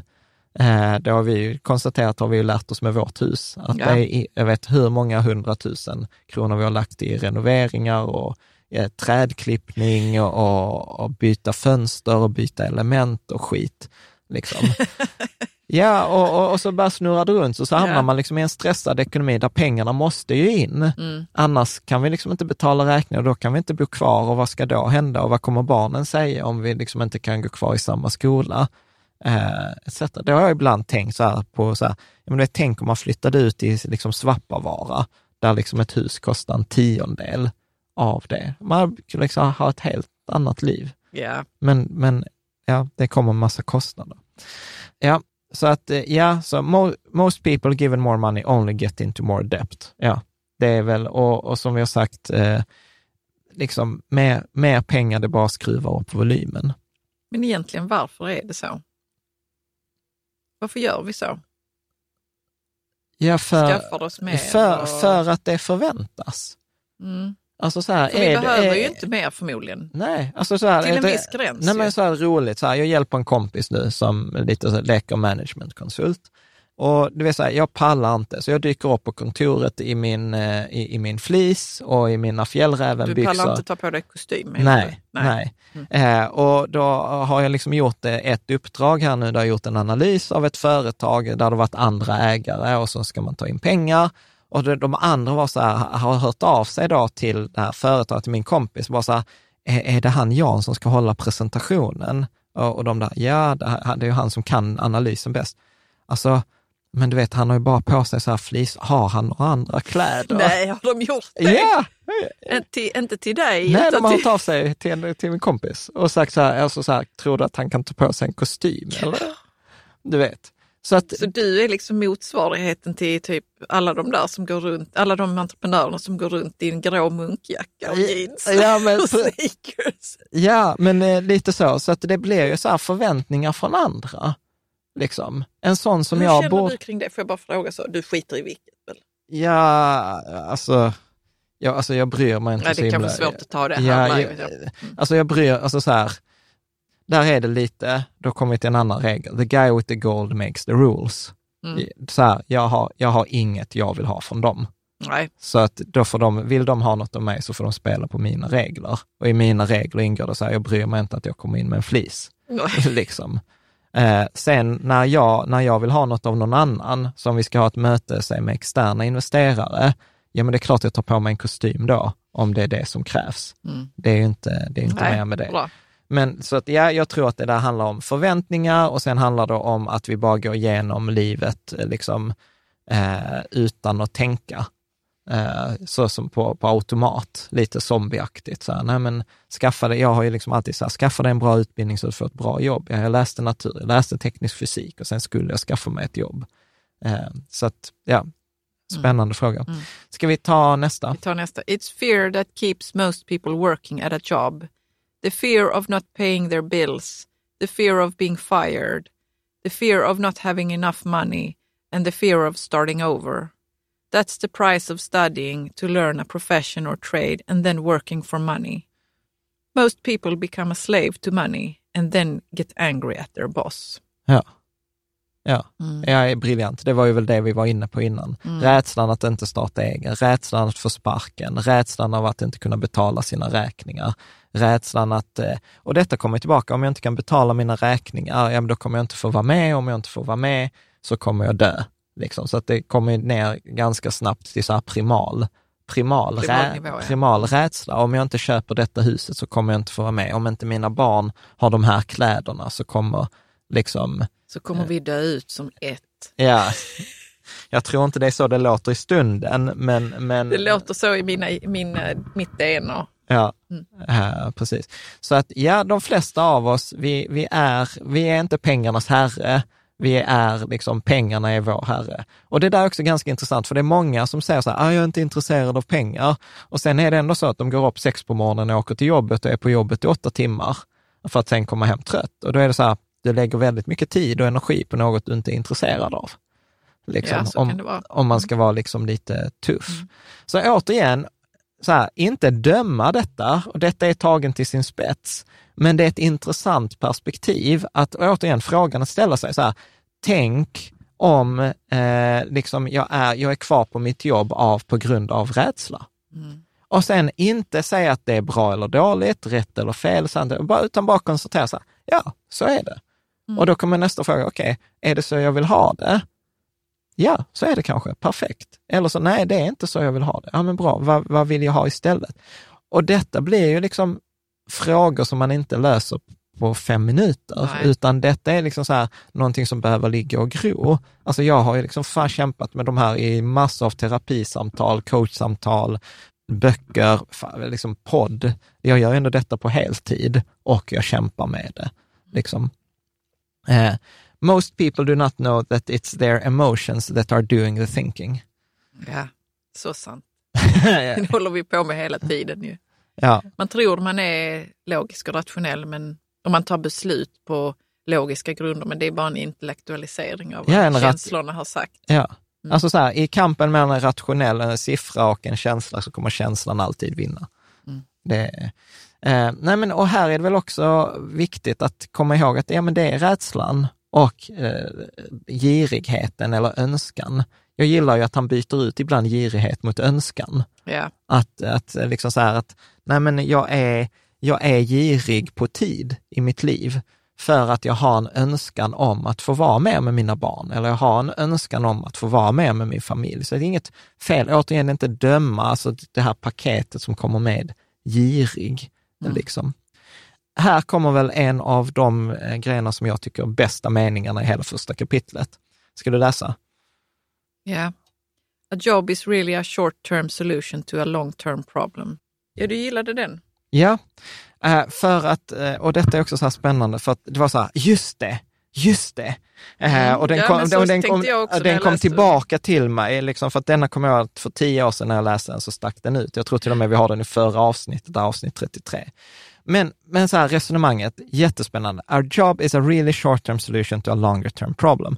Och då är det så här att, så här är min tolkning, att jag har det här problemet inom situationstecken i mitt liv, att det kommer dyka upp räkningar i slutet av varje månad.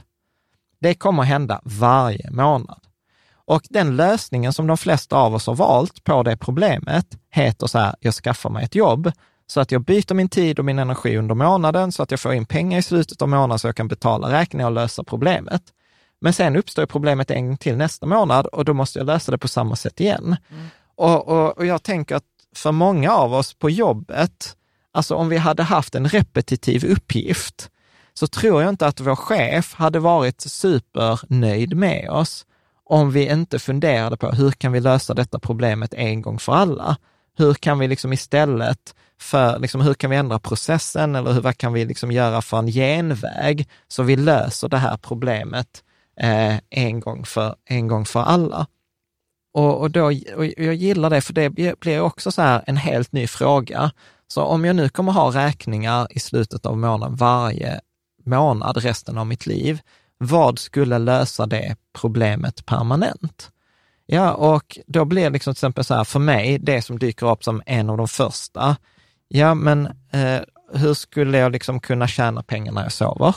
En jättebra fråga. Eller till exempel någon, jag tror många har funderat på så här, men utdelningsaktier. Det är så här första svaret för många. Ja, men om jag äger de här aktierna så kommer de ge en utdelning och så kan jag använda den utdelningen för att betala mina räkningar. Och jag sa, fine, det är superbra. Det, det, det är ju en, faktiskt en långsiktig lösning på ett långsiktigt problem. Mm. Eh, så att bara att, att formulera räkningsproblemet som ett återkommande långsiktigt problem öppnar liksom för en kreativ diskussion, hur kan vi göra detta?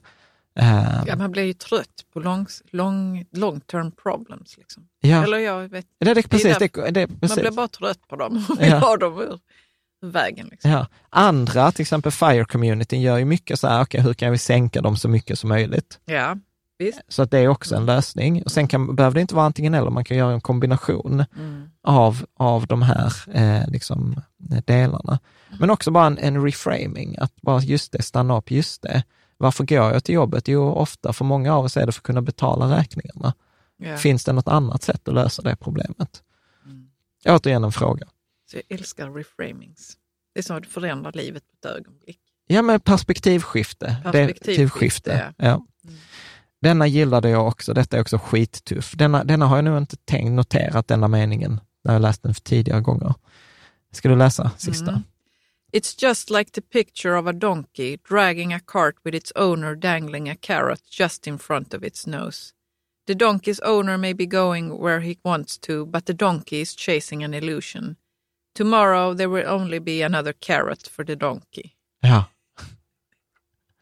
Jag minns också den. Väldigt illustrativ. Jo, Väl... men, men, det som jag minns från det här, det var en annan mening. Ja. Som, som, eh, där det stod att om bara åsnan hade fått se sig själv utifrån ja.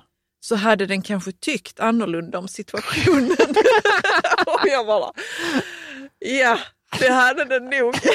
Precis, frågan är, hade den då fortsatt gå? Nej, förmodligen inte. Och jag tänkte så här, det var så här briljant för att Alltså det som jag såg framför mig var så här, ja ja, men jag går i mitt liv, alltså särskilt om, när, när jag liksom jobbat som anställd, alltså att ja, chefen, företaget vet vart det ska. Och deras uppgift är ju att de anställda ska få så lite som möjligt betalt, för att då ökar ju vinsten så mycket som möjligt. Så att vad man gör är att man hela tiden håller den här moroten, illusionen, illusionen eh, framför och ser till, liksom så här, när någon klagar, ja men då höjer man pris, liksom ersättningen tills de inte klagar längre. Är med? Sen kan de knyta handen i fickan, men det fortsätter. Ja, och säkert kan man då ibland, när man är väldigt missnöjd, se sig själv utifrån ju. Ja. Fast det är ändå så här, det är någon annans fel. Man tänker, det inte, man, fel tänker, då, ja. man tänker att det är mm. den som visar, fy fan, för den som håller den där moroten framför. De borde veta hut. Ist istället för att säga så här, ja men jag är åsnan i detta, gud vad spännande, nu skiter jag i det. liksom. Nej men du vet, jag har exempel från detta. Alltså jag hade eh, en, en kursare som blev managementkonsult eh, efter, på universitetet. Eh, och eh, skitduktig var hon, skitduktig, eh, jobbar som management, helt, liksom efter två år helt utsliten. Hon sa, jag pallar inte detta, liksom. jag jobbar 80 timmar i veckan och har liksom, visst ingångslön på 50 000, men jag pallar inte längre. Så sa de till henne så här, vet du vad, vi dubblar din lön om du stannar kvar. Så hon gick från typ 50 till 100 000. Jobbade liksom ytterligare två, tre år, liksom fortfarande ingen pojkvän eller ingen relation. Så, eh, så där, nej nu skiter jag i det. Eh, så då sa de så här, äh, men vet du vad, vi flyttar dig till New York-kontoret om du vill och så dubblar vi din lön. Flytta henne till New York-kontoret, 200 000 i månaden eh, i lön. Och du vet, sist jag hörde, du vet, då var hon typ någon sån här partner, tjänade hur mycket som helst, men var liksom i ett gilded, alltså så här, gyllene, gyllene, gyllene bur. Mm. För att nu bodde hon liksom så här stor våning på Manhattan och som ska finansieras och liksom ingen, ingen frihet. Mm. Mm. Och förmodligen rädsledriven. Så som jag, som är så här, bara de gillar oss, bara vi levererar ett bra jobb. Mm. Liksom. Mm. Alltså så här, och fucking overachievers, sådana som, som jag. Liksom. Eh, så att ja, så, och hade man sett det utifrån så kanske man hade tagit andra andra beslut. Men det, det är det, också, man tittar inte på det utifrån för att det blir smärtsamt. Ja, såklart. Såklart. Och jag tror absolut vi har områden, återigen, inte döma eller att, jag vill verkligen inte att det ska vara så här att vi sitter på någon piedestal. Jag är här också. Jag är också där. Liksom hela, hela, mm. hela tiden. Mm. Men äh, skit, skitbra metafor. Men jag tror att, att äh, både du och jag, säkert en del som lyssnar och tittar, eh, ibland kan fundera över vad det är för situation man är i. Liksom. Ja. Man vill inte spela med längre. Ja, ja.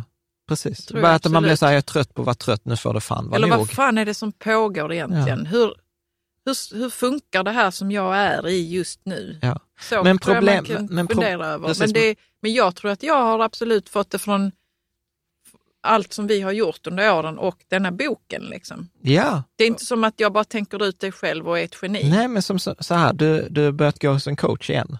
Mm. Liksom. Mm. Ja. Och vad, vad, vad, är det man får av en coach? Jo, men då får man ju det här yttre perspektivet, du får den här spegeln. Så den där åsnan som går där liksom och jagar den här moroten, så plötsligt så håller någon upp en spegel och det blir ju liksom så här, det kan ju vara skitjobbigt direkt i början att se sig själv. Det kan också vara helt så frigörande. Ja, mm. och, och, och, det roligaste är när man kan garva åt det. Liksom så här, fan, fy, vad fan har jag hållit på med liksom?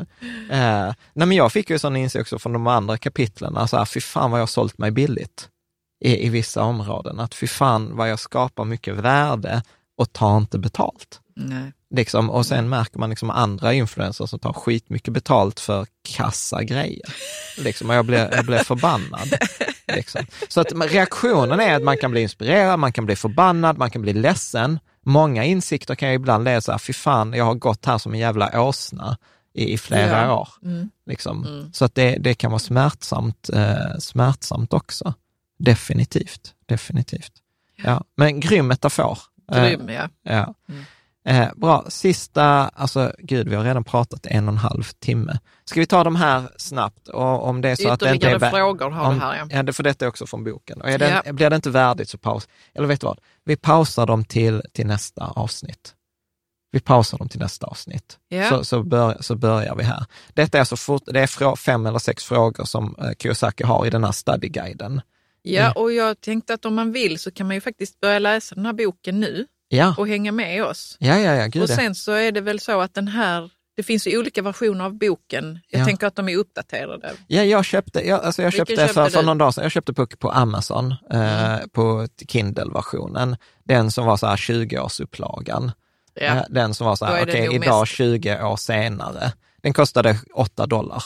Så att, så jag tänker mest att det är den som ska kanske vara mest uh, uppdaterad. Ja, eller ja och den har den här mm. studyguiden, de här meningarna. Mm, så att eh, re rekommenderas verkligen. Och vi tror, alltså så här, jag tycker detta är så pass viktigt, så pass bra att jag tror vi kommer göra en två, tre avsnitt på ja. den här boken. Mm. Och boken är lättläst och, och den går, alltså jag, jag nu Skriven som en historia, en story ja, liksom. Ja, och eh, man läser den liksom, det tar inte lång tid. Det, det gör det inte. Snyggt! Vad, något du tar med dig eller något du vill skicka med? Eh, Ja, men det är kul om folk vill vara med och läsa med.